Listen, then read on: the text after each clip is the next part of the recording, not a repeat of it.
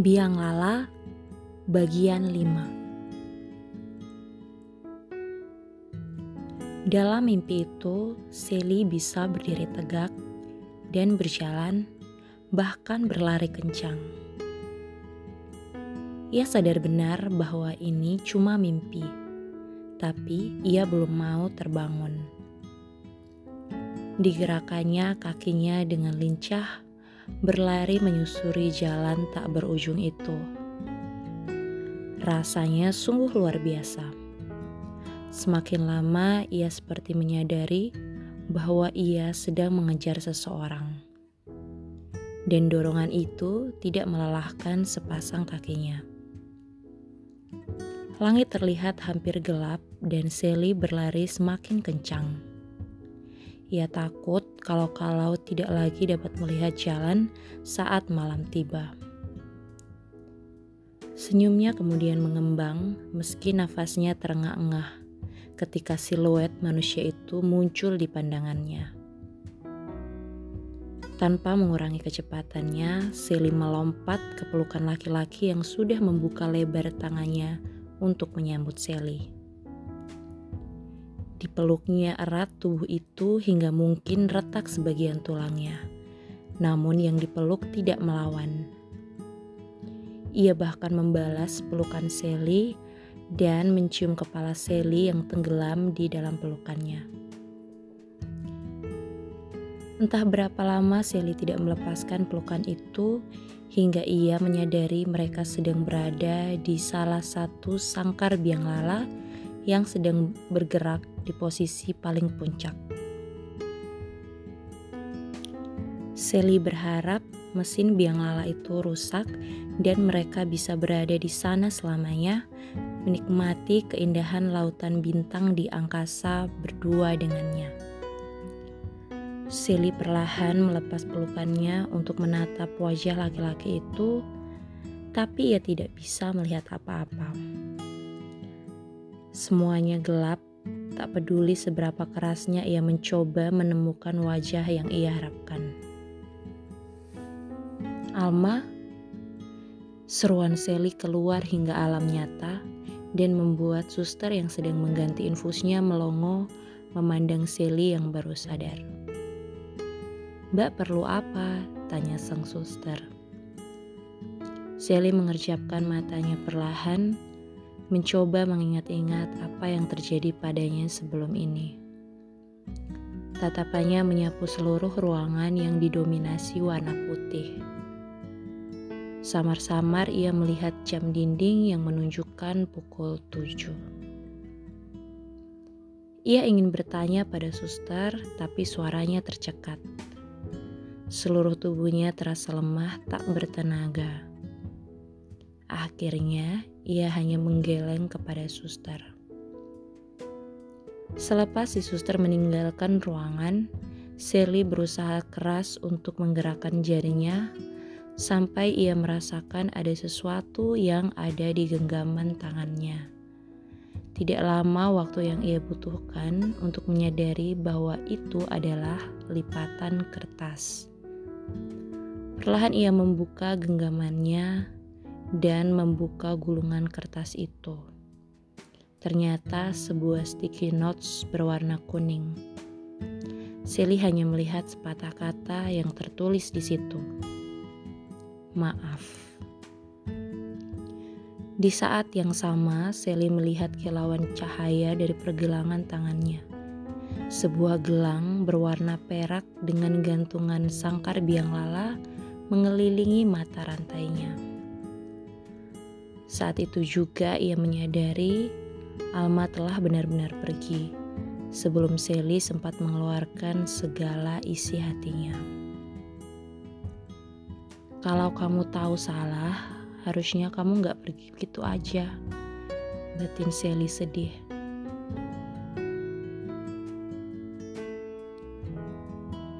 Orang bilang, hanya manusia yang pantang menyerahlah yang akan mendapatkan apa yang diimpikannya. Katanya, kita tidak akan berhasil jika kita berhenti mencoba dan berjuang. Tapi pertanyaannya, sampai kapan? Sampai kapan seseorang menjadi seorang pejuang? Atau sampai batas mana ia hanya akan menjadi pecundang yang tidak bisa menerima kenyataan? Apakah ia akan menjadi Einstein yang dianggap bodoh tetapi luar biasa? ataukah pejuang gila yang akhirnya mati konyol dalam usahanya yang tidak pernah berhasil? Orang juga bilang, jika segala sesuatu itu pasti, maka manusia tidak akan berharap kepada Tuhan. Tapi, sampai kapankah ia harus berharap? Kenapa rasanya Tuhan diam saja? Tak bisakah sedikit saja ia memberi petunjuk? Pikiran itu tak henti-hentinya berputar di kepala Sally. Tubuhnya sudah mengenakan kehidupan yang baru, namun jiwanya masih terjebak dalam penjara tanpa cahaya.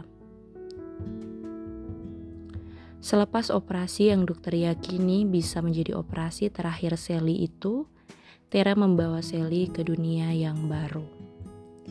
Mereka meninggalkan rumah mereka dan mendapatkan izin dari papa untuk tinggal di sebuah apartemen di luar kota. Apartemen itu tidak jauh dari rumah sakit tempat Sally menjalani terapi fisiknya untuk bisa berjalan lagi. Tiga kali seminggu Sally menghabiskan waktu di rumah sakit untuk terapi. Tera menawarkannya untuk mengikuti klub apa pun yang bisa membuat Sally sibuk, tapi Sally menolak. Ia lebih memilih menghabiskan waktu untuk menjelajah kota yang baru ditinggalinya sambil melakukan hobinya, yaitu membuat sketsa tentang apa pun yang ia ditemui dengan tambahan ide-ide desain yang penuh dalam imajinasinya. Perpustakaan, bekas balai kota, alun-alun, food street, tempat ibadah, maupun pasar malam ia kunjungi sendiri. Biasanya diantar jemput taksi online. Dengan sepasang tongkat ia bergerak perlahan di tengah hiruk pikuk kota yang terkenal dengan warisan budaya dan sejarahnya ini.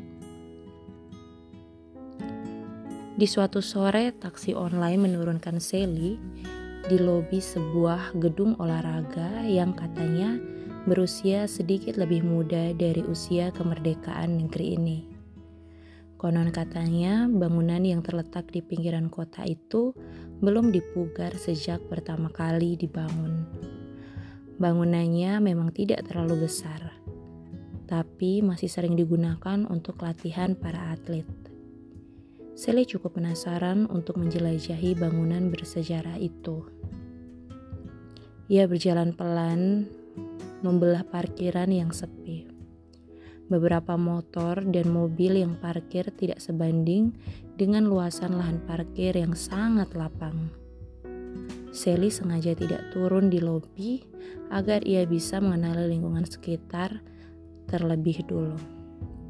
Dan yang terpenting, Sally tidak terlalu suka diperhatikan karena tampaknya ada beberapa orang yang duduk di lobi tersebut.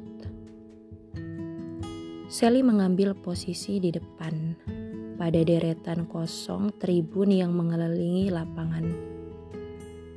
Rasanya terlalu sulit untuk naik ke tempat yang lebih tinggi. Dan ternyata ada yang sedang berlatih sepak bola di sana.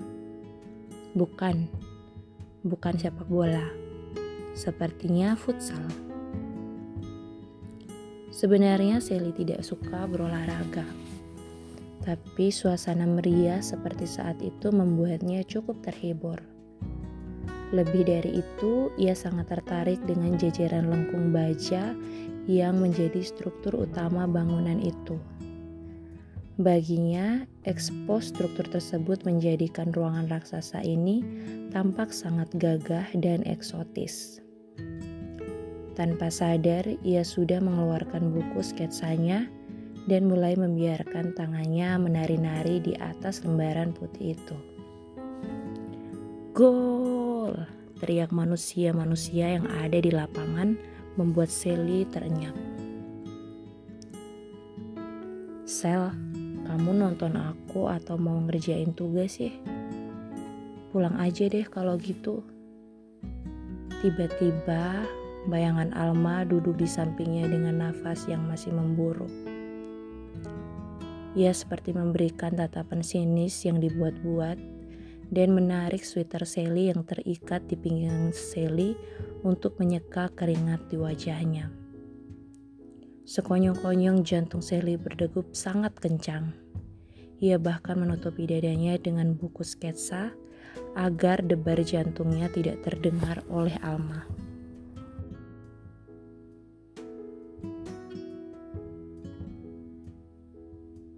Sebelum kembali ke lapangan, Alma tertawa dan menyelimuti bahu Sally dengan sweater tadi. I love you Sally, teriak Alma dari lapangan, disusul olokan teman-teman sekelapnya. Sally mengalihkan pandangannya kepada gelang biang lala yang masih melingkar di pergelangan tangannya sebelum terngiang lagi kata-kata Tera waktu itu. Kak Alma, enggak tuh, dia nggak datang. Aku nggak ketemu sama dia. Dia kayaknya nggak jadi liburan. Kata Tera. Hati Sally terasa sakit. Ia tahu Tera berbohong. Siapa lagi yang memberikan gelang ini kalau bukan Alma? Tapi semuanya sepertinya memang sudah terlambat. Kata maaf Alma dalam secari kertas itu sepertinya bendera putih bagi Alma. Mengingat semua kenangan mereka di masa lalu, Sally tidak pernah sedikit pun ragu kalau mereka pernah saling jatuh cinta. Tapi entah kenapa, waktunya selalu salah. Sampai sekarang, Sally masih sulit menerima bahwa semuanya sudah selesai. Ia meninggalkan bayangan tentang Alma dan kembali memandang ke lapangan. Berusaha menyadarkan diri bahwa sekarang ia sudah berada di dunia yang berbeda. Ia di tengah kerumunan orang asing tanpa Alma. Tak terasa sejam berlalu dan ternyata pertandingan sudah selesai. Sedikit demi sedikit, orang-orang asing itu meninggalkan gedung. Sally sengaja menunggu sampai semua pergi. Ia tak ingin berjejalan dengan orang di pintu. Namun sepertinya bukan ia sendiri yang merasakan hal yang sama. Seorang laki-laki muda yang juga pemain futsal tampak masih terlentang di pinggir lapangan setelah beberapa teman mencoba mengajaknya pulang. Sally memutuskan untuk menunggu sambil memperhatikan apa yang sedang dilakukan oleh laki-laki itu. Tak lama kemudian, si laki-laki bangun seperti menyadari bahwa ada yang memperhatikannya. Ia balik memandang Sally sebelum akhirnya membereskan tasnya dan berjalan mendekati Sally. Ngapain lihat-lihat? Nungguin siapa? Tanya laki-laki itu sinis. Wajahnya cukup tampan untuk ukuran seorang pria. Yang paling menonjol adalah tinggi badannya yang di atas rata-rata. Tapi semuanya itu seperti tertutup oleh keangkuhannya yang tak masuk akal. Tebakan Sally, laki-laki ini seumuran dengannya, atau mungkin lebih muda. Sally menggeleng. Ia membiarkan laki-laki itu berdiri memandanginya sembari ia membereskan buku sketsa dan memasukkannya ke dalam tas. Sally tidak melihat tanda-tanda si pria bergerak, bahkan sampai ia mengambil tongkat dan perlahan melangkah menuju pintu keluar. Tampaknya laki-laki itu terus mengawasi Sally dari belakang sampai di lobi. Lo pulang sendiri? Tanya si laki-laki dengan nada yang sedikit lebih rendah dari sebelumnya. Sally menoleh memastikan si angkuh itu bertanya pada dirinya. Sepertinya memang iya. Ada yang jemput, jawab Sally singkat. Taksi online, tebak si laki-laki. Sally diam, tak ingin memperpanjang percakapan. Hari sudah mulai gelap, dengan kondisinya sekarang, kewaspadaannya juga semakin meningkat. Tiba-tiba laki-laki itu tertawa kecil. Lo Sally kan? Lo lupa sama gue? Tanya si laki-laki dengan ekspresi yang 180 derajat berubah menjadi ramah. Sally memandang wajah si laki-laki dengan heran. Kalau saja tidak menyebut namanya, pasti Sally sudah menganggapnya gila. Sementara itu si laki-laki masih senyum-senyum sendiri seperti baru saja menemukan anjingnya yang hilang. Bersambung.